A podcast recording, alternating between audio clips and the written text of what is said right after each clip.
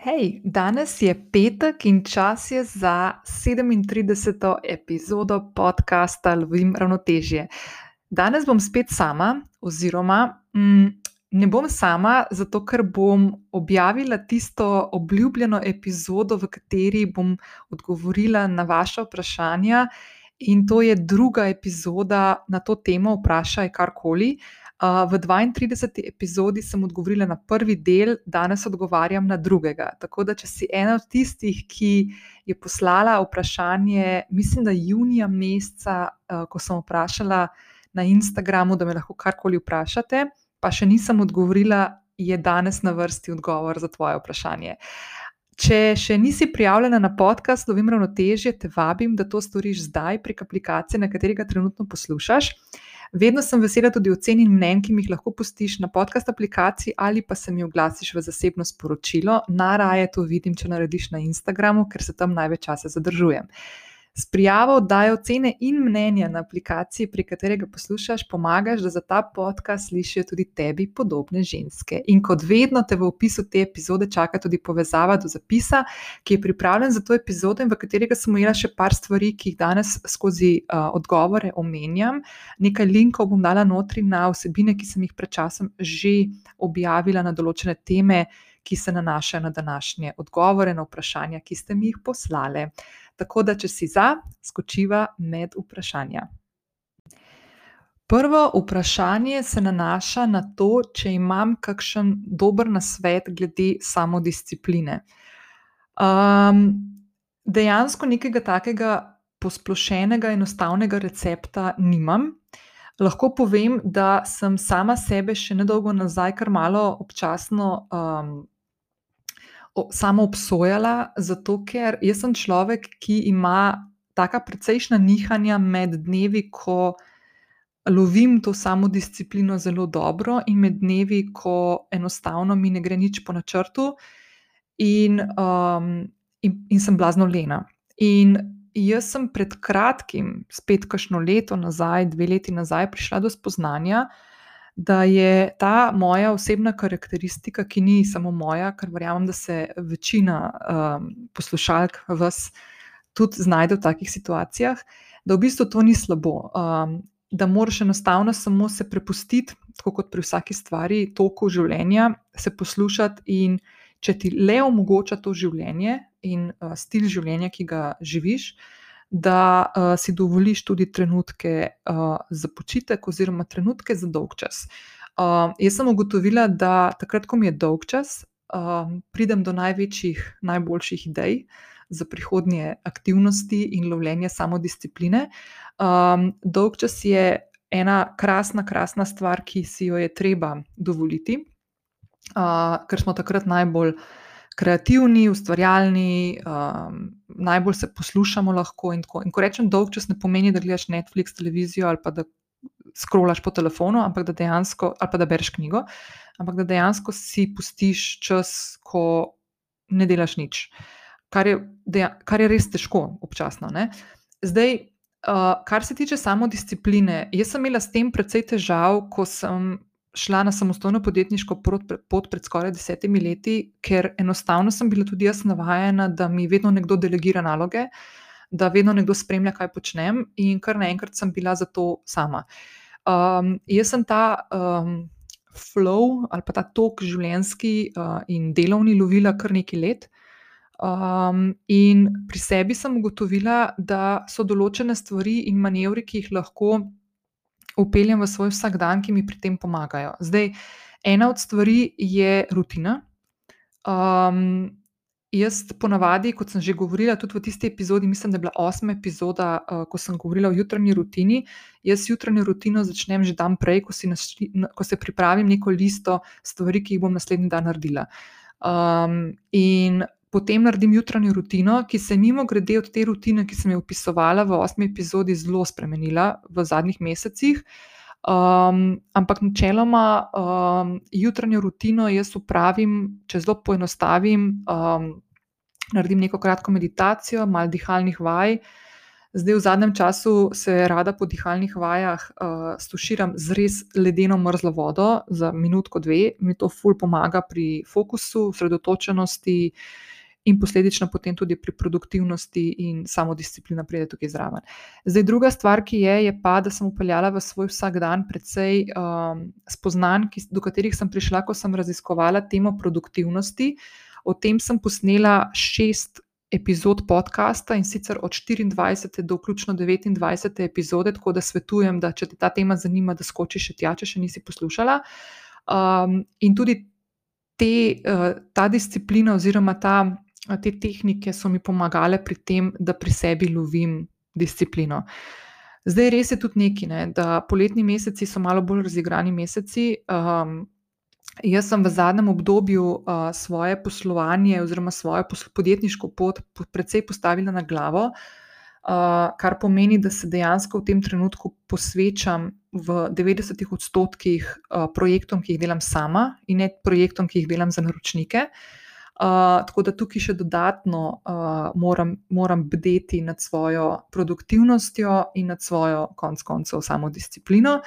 Uh, je pa to eden uh, od lepših stvari. Uh, zdaj, ena od stvari, ki mi pri tem pomaga, ne, je tisto, kar sem že tudi v eni od zadnjih epizod veliko govorila o tem, je, da je blazno pomembno, da v življenju ugotoviš, česa si želiš in česa si ne želiš. In ko enkrat prideš do spoznanja, kaj je tvoj namen ali pa poslanstvo, ali pa kaj je tvoj zakaj. Uh, so vse te stvari bistveno lažje, in tudi samo disciplina, ko enkrat delaš tisto, kar resnično, resnično želiš početi, uh, ta samodisciplina kar tako le mal pride um, močneje v vsak dan. Uh, tako da, če katero od vas zanima um, malo več o tem, imam jaz en krasen delovni zvezek z vajami, kako prideš do svojega poslanstva oziroma svojega zakaja. Uh, jaz sem to ugotovila lansko leto in si želim, da bi take občutke, kot sem jih jaz takrat imela, ko sem prišla do teh spoznanj, doživel vsak človek. Ker so res fajn in ker so potem vse stvari, ki jih v življenju počneš, vse odločitve, ki jih sprejemaš, bistveno lažje, uh, hitreje sprejete, enostavneje sprejete in take ponotranjene. Pride, vse stvari pridejo od znotraj, ne od zunaj. Uh, in nekako dobiš občutek, da svoje življenje nadzoruješ ti, ne da življenje vodi tebe.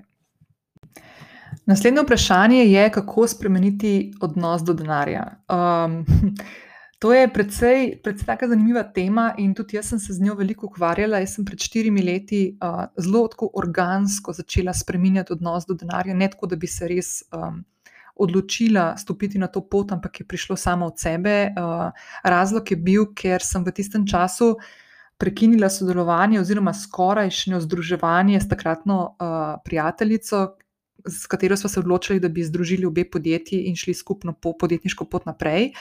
Um, in uh, sem bila nekako ob tem, ko sem se odločila zadnji trenutek, da tega ne želim, da, um, da sem praktično čez noč ostala brez svojih naročnikov in brez zaslužka in z zelo nizkim zneskom na obeh računih, osebnem in poslovnem. In takrat se je začela moja pot.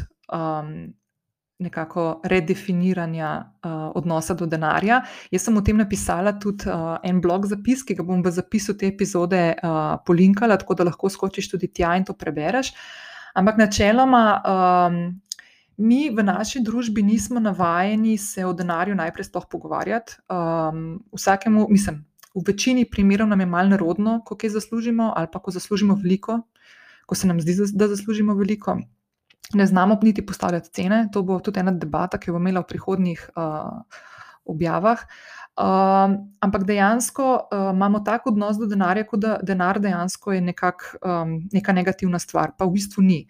Zdaj, jaz sem začela odnos z denarjem, kot sem rekla, spremenjati pred štirimi leti, ker se je to pač zgodilo zaradi situacije, v kateri sem se znašla.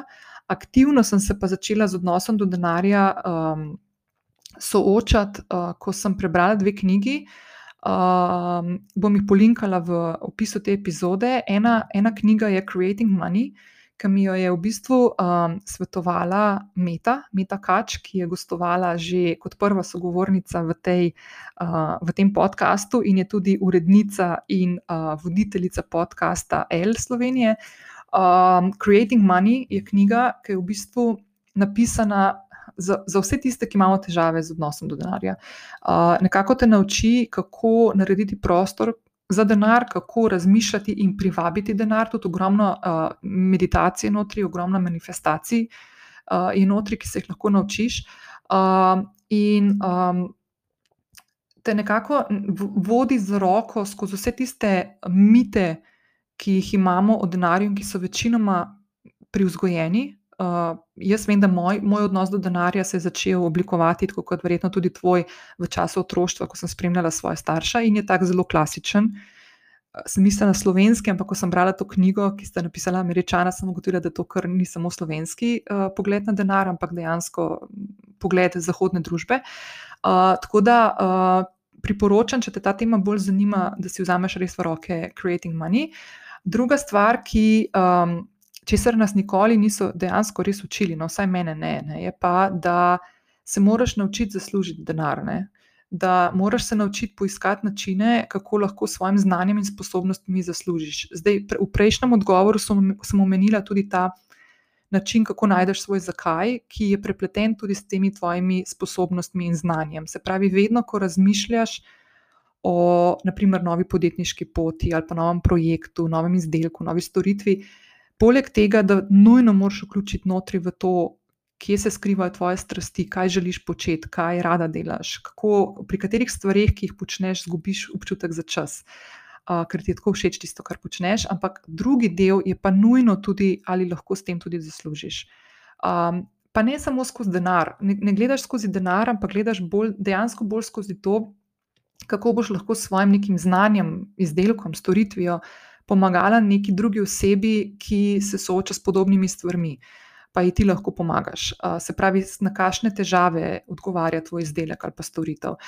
In ko se enkrat naučiš in ponotraniš te stvari, um, ti ne bo nikoli težko tudi denarja spustiti. Zdaj, ali to pomeni, da ga boš zapravila za kakšno stvar, ali to pomeni, da ga boš uložila v ne, ali znanje, ali v neke, ne vem, lahko tudi konec koncev vrednostne papirje, zavarovanje, karkoli. Uh, ne bo ti težko ga donirati uh, in ne bo ti ga težko izgubiti, zato ker točno veš, kako ga lahko nazaj zaslužiš. Uh, in to se mi zdi eno tako pomembno spoznanje in pomemben način uh, razmišljanja, da se nekako osvobodiš teh spon, da denar vodi tebe. Da, da, tako kot življenje, da vodi tebe, ne da imaš ti občutek, da si ti tisti, uh, ki, ki ga vodiš. Vsak, vsak svojega in na način, ki ti ustreza. Tako da, uh, še enkrat, naučiti se je treba tako razmišljati. To ni um, neka ponotranjena stvar, smo, s katero smo se rodili, sploh ne v naši družbi. In res, res ti lahko te dve knjigi, ki jih bom uh, polinkala v zapis te epizode, pri tem pomagata. Naslednje vprašanje je, kako se naučiš živeti sama s seboj, da ne nehno ne iščeš nekoga zraven sebe. Zdaj, glede na to, da sem jaz že kar nekaj časa samska. Mal mi je težko na to odgovoriti, če si iskreno, ker jaz sem tako navajena živeti sama, da si včasih sploh ne predstavljam, kako bi bilo, če bi živela z nekom, um, kar tudi ni dobro. Uh, tako da um, jaz mislim, da predvsem je treba priti do spoznanja, da si ok, če si sam, ne?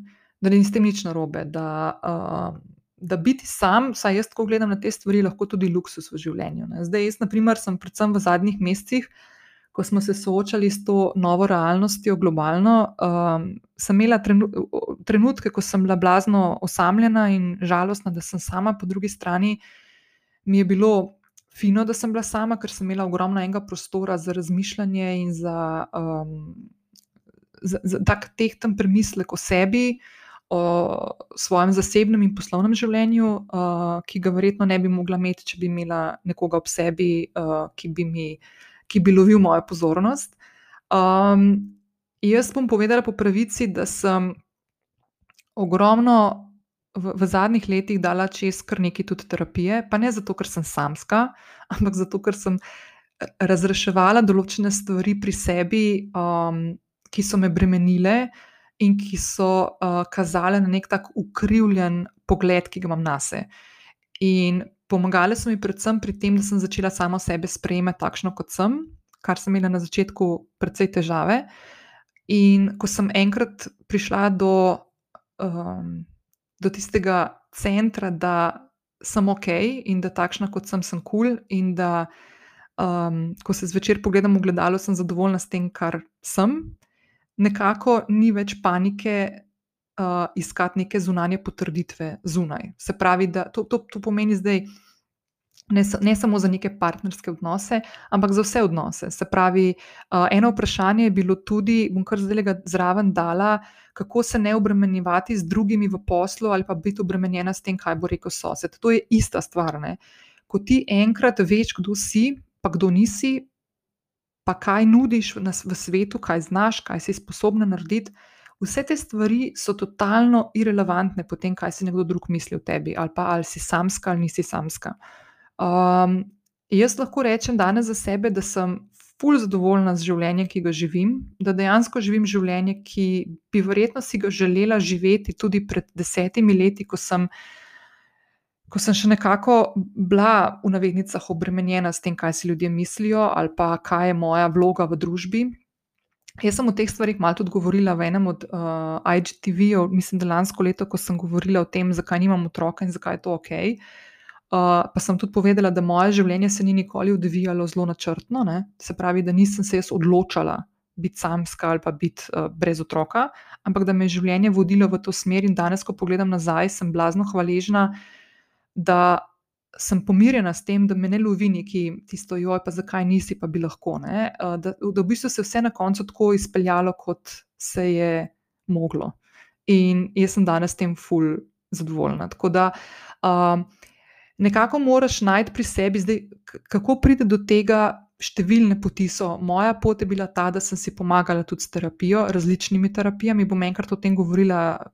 Eno terapijo imam za sabo, ki je bila blazno, blazno uh, blazno, blazno, blazno močna in um, bom mogla še malo ponotraniti, čeprav je bila že leto pa pol nazaj zaključena, ampak jo še vedno obdelujem in predelujem. Tako da bom govorila enkrat kasneje o teh stvarih, pa mogoče tudi povabila mojo terapevtko, ki je blazno zanimiva ženska v, na klepet, če, bo, če bo se bo strinjala s tem.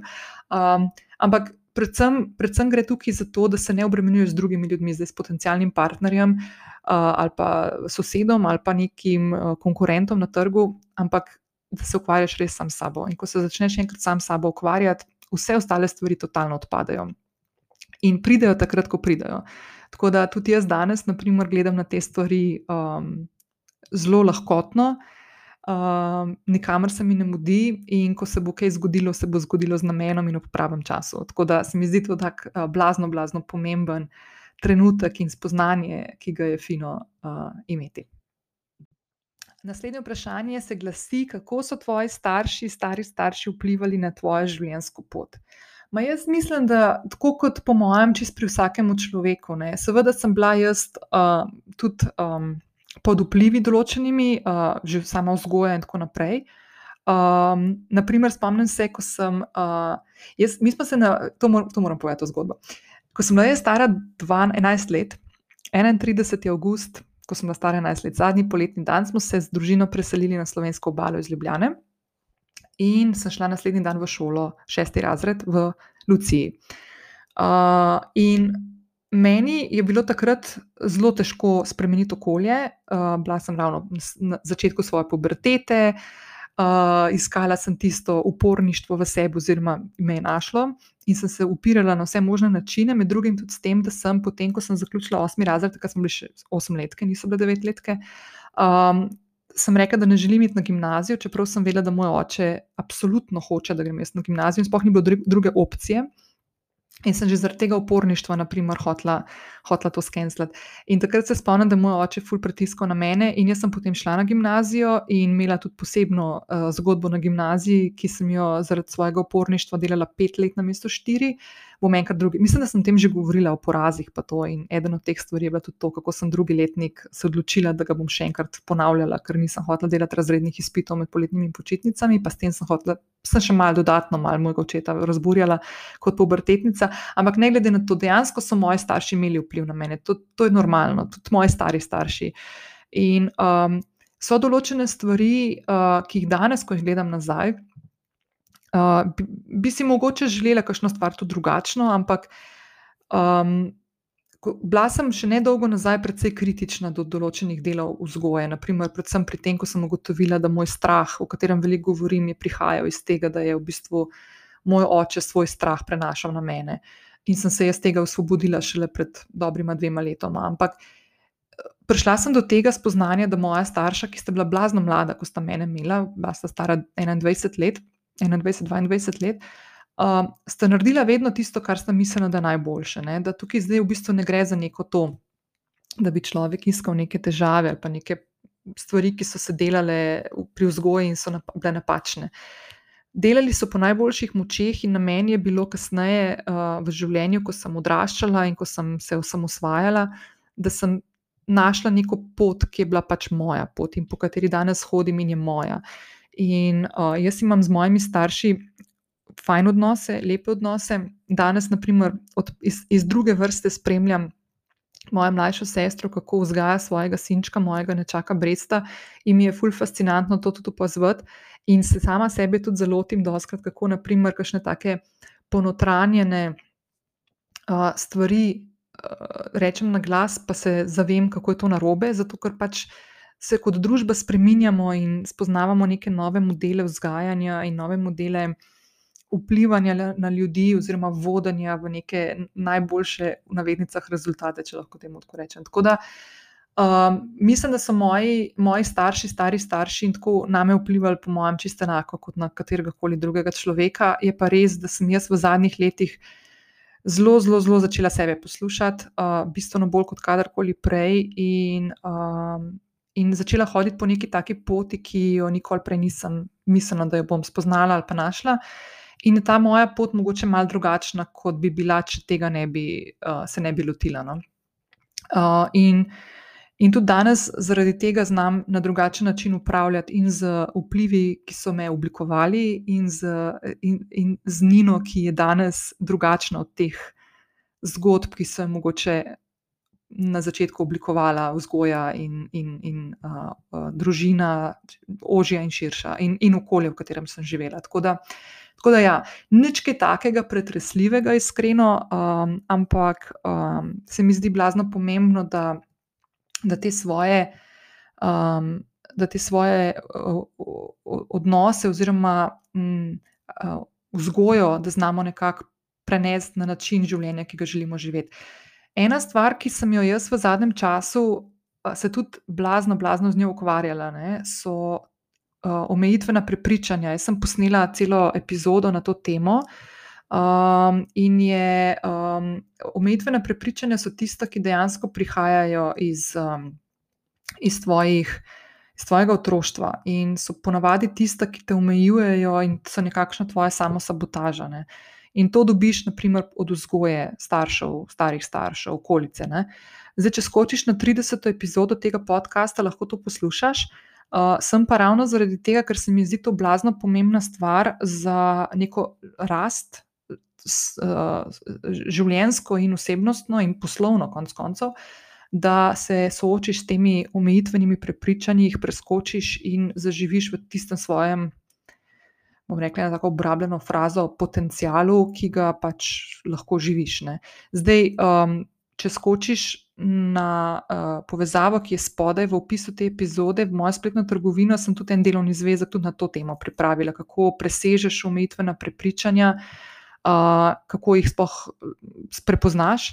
Uh, in na kakšen način jih bolj presežeš, da dejansko jih pustiš nekako za sabo. Zato, ker to so stvari, ki pridejo uh, skozi vpliv vzgoje staršev, starih staršev in okolice. Tako da mogoče to no, bi bilo, je, je taka fajn stvar za, za malce poigrati v življenju uh, s temi stvarmi.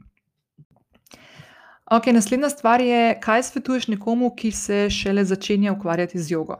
Okay, jaz sem o tem, kako sem jogo uh, spoznala, pa uh, kako sem jo prenesla v svojo podjetniško pot, govorila v tretji epizodi tega podcasta, pa potem sem v 16. epizodi govorila še o stereotipih o jogi, ki ne držijo.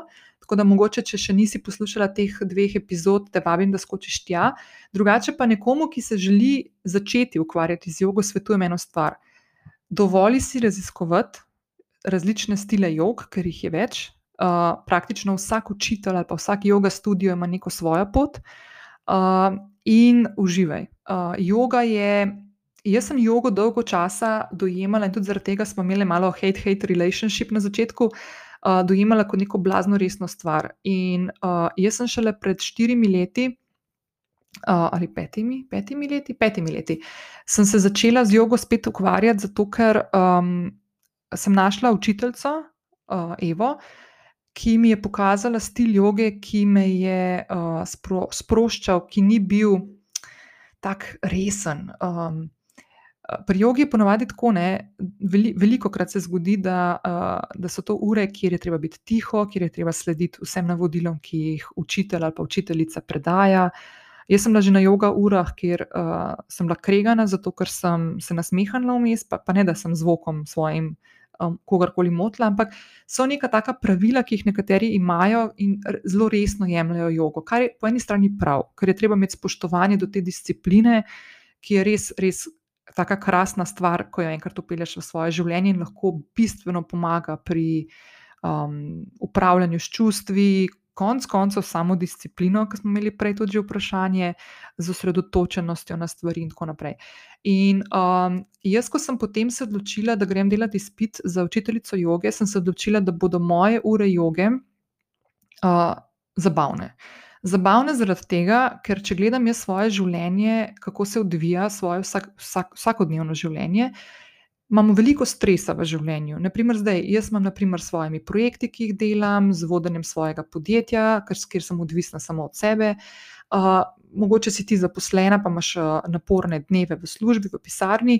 In enostavno si nisem želela vzeti momenta nekomu, ki pride iz uh, stresnih situacij, da še povzročam dodatna pravila. In dodaten stres, in dodaten dvig kortizola lahko s tem, ker smo ljudje različni. En, eni se temu fino prilagodimo, eni kot jaz, ki sem malo upornik po duši, imamo pa s tem lahko težave. Tako da nek middle way vmes je, pri meni se to izkazalo kot dobro, da, um, da nekako. Naredim take ure joge, kjer bodo ljudje sproščeni, kjer bodo še vedno naredili stvari za sebe, za svoje telo in za, svoje, za, svoje, uh, za svoj um, uh, ampak da se bodo ob tem zabavali, ker se mi zdi to blazno pomembno. In um, jogo lahko spoznavaš na način, da se ne zaženeš v en jogo studio in si samo tam. Ampak da greš mogoče malo, kot po trgovinah, malo greš probat različne stvari. Zdaj, meni, na primer, je blazno pri srcu dinamična joga, uh, ta, to jogo tudi jaz vodim. Uh, mimo grede, v upam, da bomo tole dali, uh, ker to malo naprej snemam ta podcast, da ne bo slučajno kakšen nov ukrep, pa te ne bo več možno. Ampak načeloma vsako drugo sredo v Ljubljani, na Ljubljanski špici z mestno občino Ljubljana, pripravljamo uh, brezplačne ure joge. Tako da, če skočiš, bom spodaj v opisu epizode pustila uh, povezavo do Facebook eventa. Uh, kjer lahko spremljaš tudi zaradi vremena, ali bo ali ne bo, pa kdaj bo pa v katerih urah, ki se bo malo spremenile, potem ko se bodo proti koncu poletja dnevi začeli krajšati. Ampak v glavnem se lahko tudi uh, pripelješ, prideš mimo, pogledaš, kakšno jogo jaz vodim, pa vidiš, če ti to všeč, in potem poiščeš nek yoga studio med letom, uh, ki, ki ima podobne ure. Zdaj, jaz sem vmes na svoji jogijski poti spoznala še en stil joge, ki mi je blazno, blazno všeč in to je aerial yoga, to je breztežnostna na trakovih. Uh, sem tudi naredila spit za učiteljico te joge. In uh, tako da Yoga dejansko lahko najde vsak nek svoj stil, ki mu najbolj odgovarja. Zdaj, če ti odgovarja bolj statična yoga, kjer se dolgo časa ustraja v enem položaju, oziroma jogijski asani, super. Če ti odgovarja bolj dinamičen vidik, kjer se premikaš uh, s telesom ob vsakem vdihu in izdihu, je to spet nek nov stil joge, potem imaš tudi tiste hot joge. V glavnem, ogromno, ogromno enih uh, jogijskih stilov obstaja in verjetno je za vsakega na voljo eden. Ne? Tako da vzami si čas, raziskuj in najdi tisto, kar ti sede. Pa mogoče ti lahko danes nekaj sede, naslednjič ti pa nekaj drugega. Druga stvar, ki se mi zdi blazno pomembna, je pa to, da najdeš nekoga, ki te pozna voditi in usmerjati. Tudi pri jogi lahko prihaja do poškodb, če izvajaš določene stvari napačno uh, in potem to napačno postavljanje uh, um, nenehno izvajaš. Uh, Tako da tle je fino, fino najti nekoga, ki mu boš toliko zaupala, da, da boš te stvari lahko delala tako, kot je treba, da ne boš si delala neke škode brez veze. Ne? Tako da, ampak predvsem dve ključni stvari sta: raziskuj in mej se fajn ob tem. Tako da to sta dve ful pomembni stvari. Odkot jemliš svojo energijo? Uh, okay. Um, zelo poenostavljeno, pa malo sem že o tem govorila danes, mislim, da v prvem vprašanju oziroma odgovoru. Um, jaz imam dneve, ko sem polna energije, pa imam dneve, ko, sem, ko ležim cel dan na kavču in gledam Netflix ali pa se, ali pa, ali pa se dolgočasam.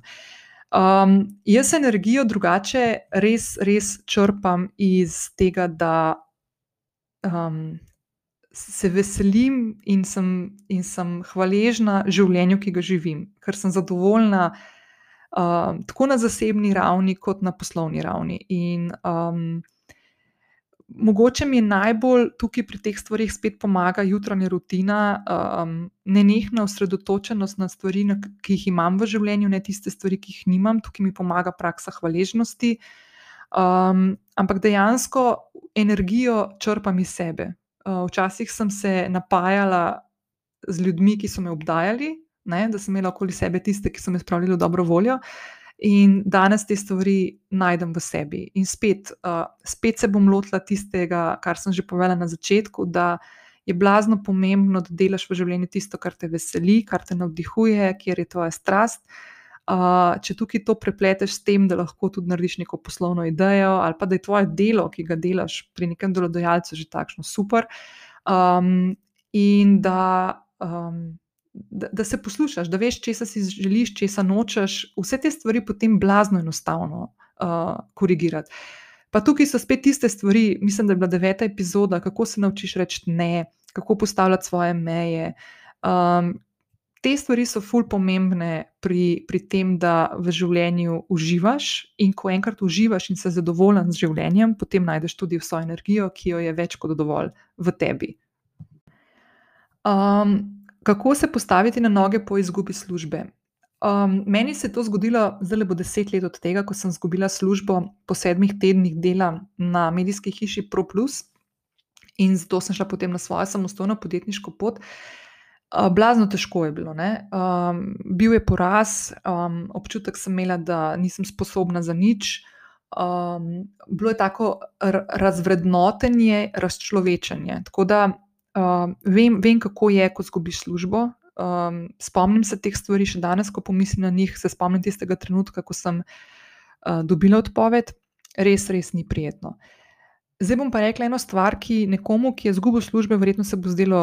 Um, težko slišati, zato ker take stvari ponavadi, ponavadi spademo v nek tak občutek, malo mal, mal se gremo, malo mal pademo v občutek žrtve, ne?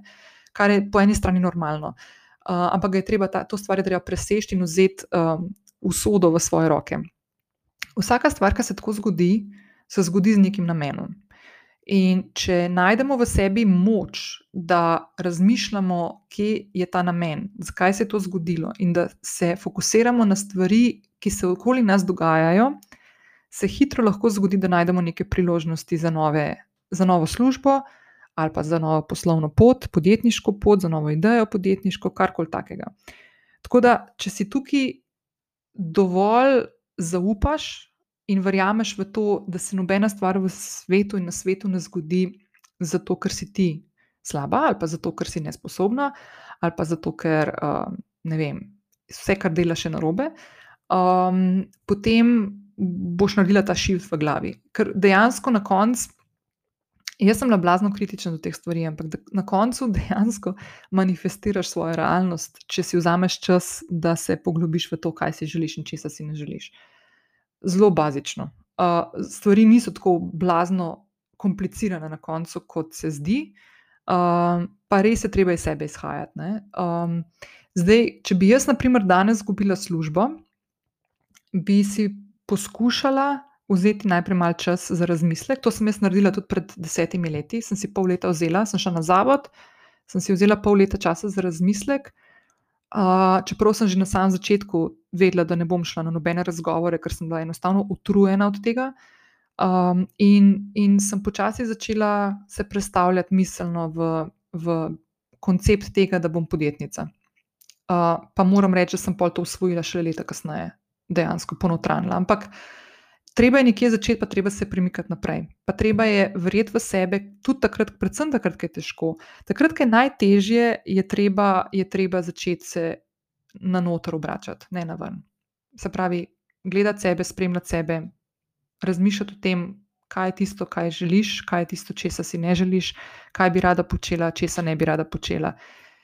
In ko enkrat te stvari začutiš v sebi, ko začneš kot kokouna, ko začne brbotati v tebi, ko voda, ki začne vreti, potem tudi, ko boš šla na kakšen razgovor za službo, boš te stvari na drugačen način energetsko se pokazala nekomu, bodočemu delodajalcu, ali pa konec koncev investitorju, banki ali pa sebi, ko boš pošla na samostojno podjetniško pot. Tako da treba se takrat res, res na se fokusirati, pa se imeti rad. Naslednje vprašanje, kako si se začela imeti rada, ful težko ful težko. Veliko je bilo padcev, uh, pa veliko je bilo tudi terapije. Um, pa joga mi je pomagala tudi pri tem, zato ker sem se fokusirala na sebe.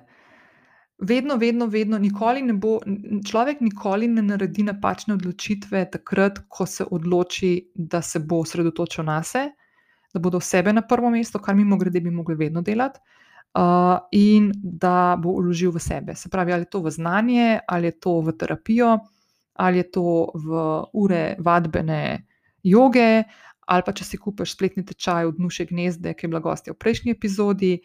Karkoli takega, nikoli, nikoli to ni izgubljeno, nikoli ni izgubljeno, če investiraš v sebe. Tako da vzamete si čas, razmišljajte o tem, kaj si želite, česa si ne želite.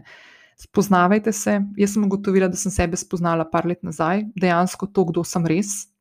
Mm, in, in vedno znova, vsak dan, imam v ozadju, v možganjih se mi odvija to, um, aj kakšna sprememba, a sem kaj drugače začutila, kakšno stvar, ki se je zgodila danes, v primerjavi s tem, kaj se je zgodilo prejšnji mesec.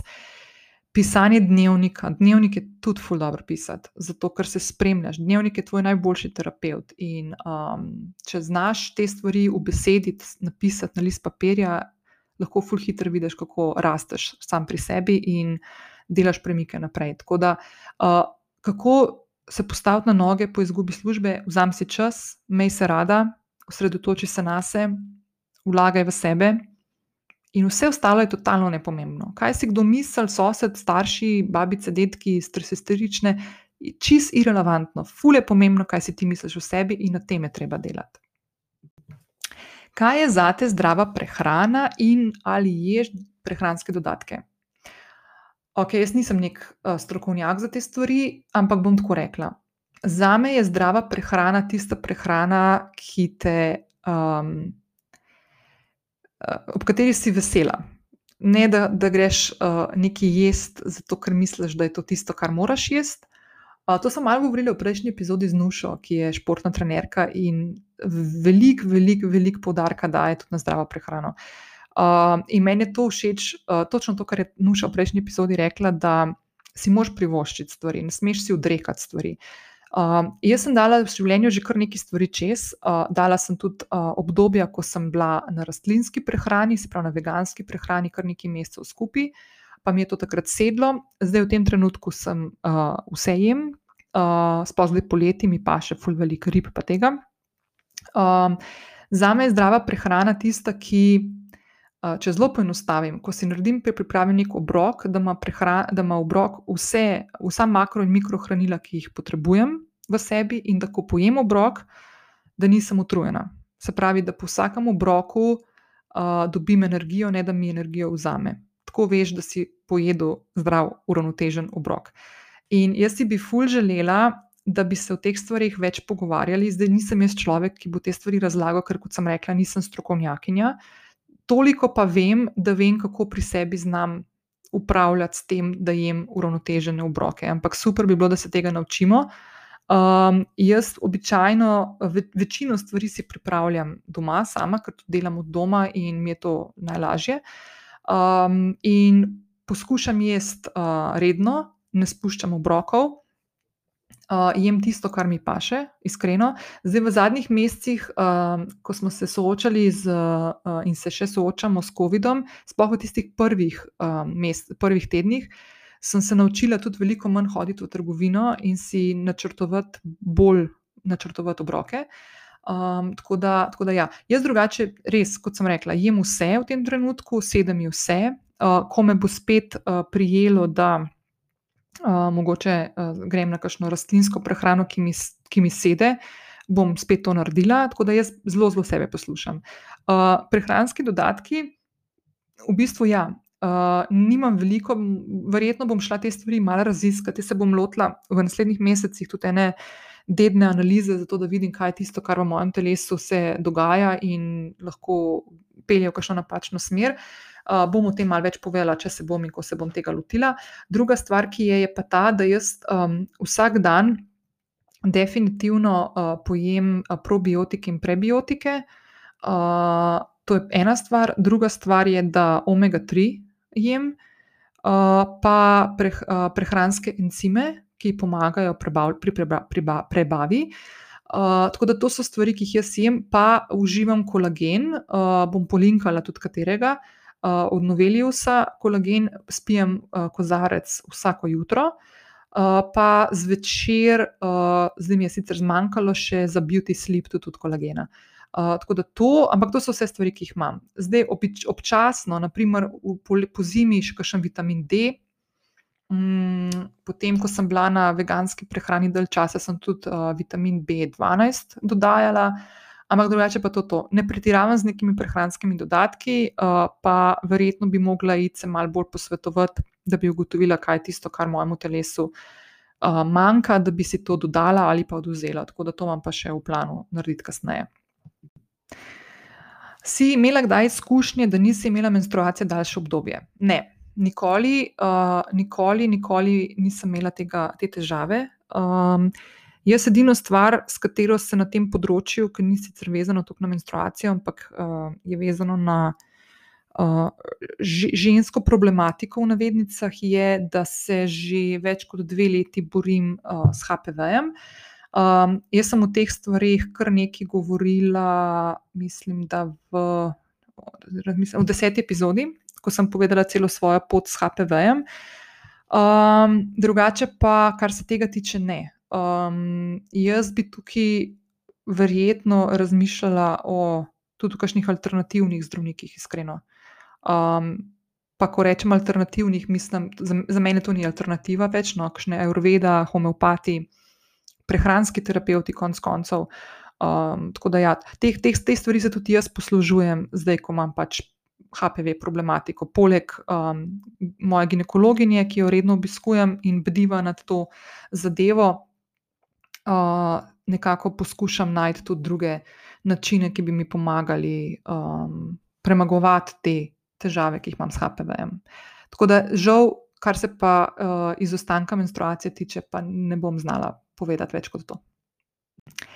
Ok, in še zadnje vprašanje. Trije na sveti, ki bi si jih dala ob koncu študija, preden si vstopila na trg dela ali samostojne podjetniške poti.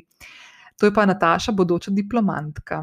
Draga Nataša, bi, jaz bi si ful želela, da bi, da bi po koncu študija že razmišljala o podjetniški poti, pa temu ni bilo tako, ker nisem imela nobenega znanja na tem področju. Tudi deset let, deset let nazaj, ko sem se dejansko podala, nisem vedela, kaj to pomeni, pa mogoče dobro, da nisem takrat.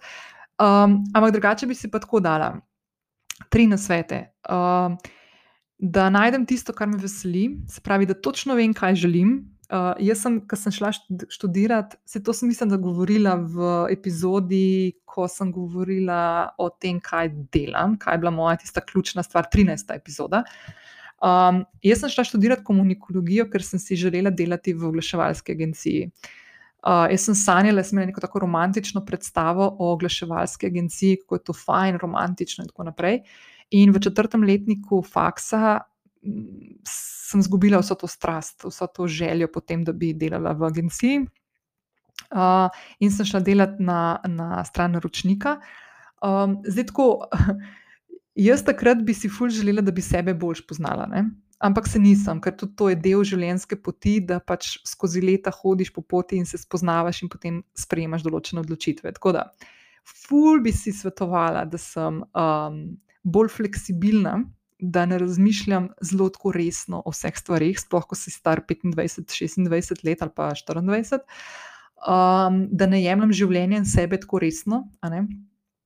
Uh, pa predvsem, da res zaupam sebi. Zato, ker um, vsak od nas, če hodi po poti, ki je njegova, njena, lahko dela res, res, res dobre premike. Uh, premike tako na ravni osebne, podjetniške, poslovne rasti, uh, kot tudi uh, konec koncev tega življenja v izobilju, ki sem ga malo omenila pri tistem vprašanju, kako izboljšati odnos do denarja.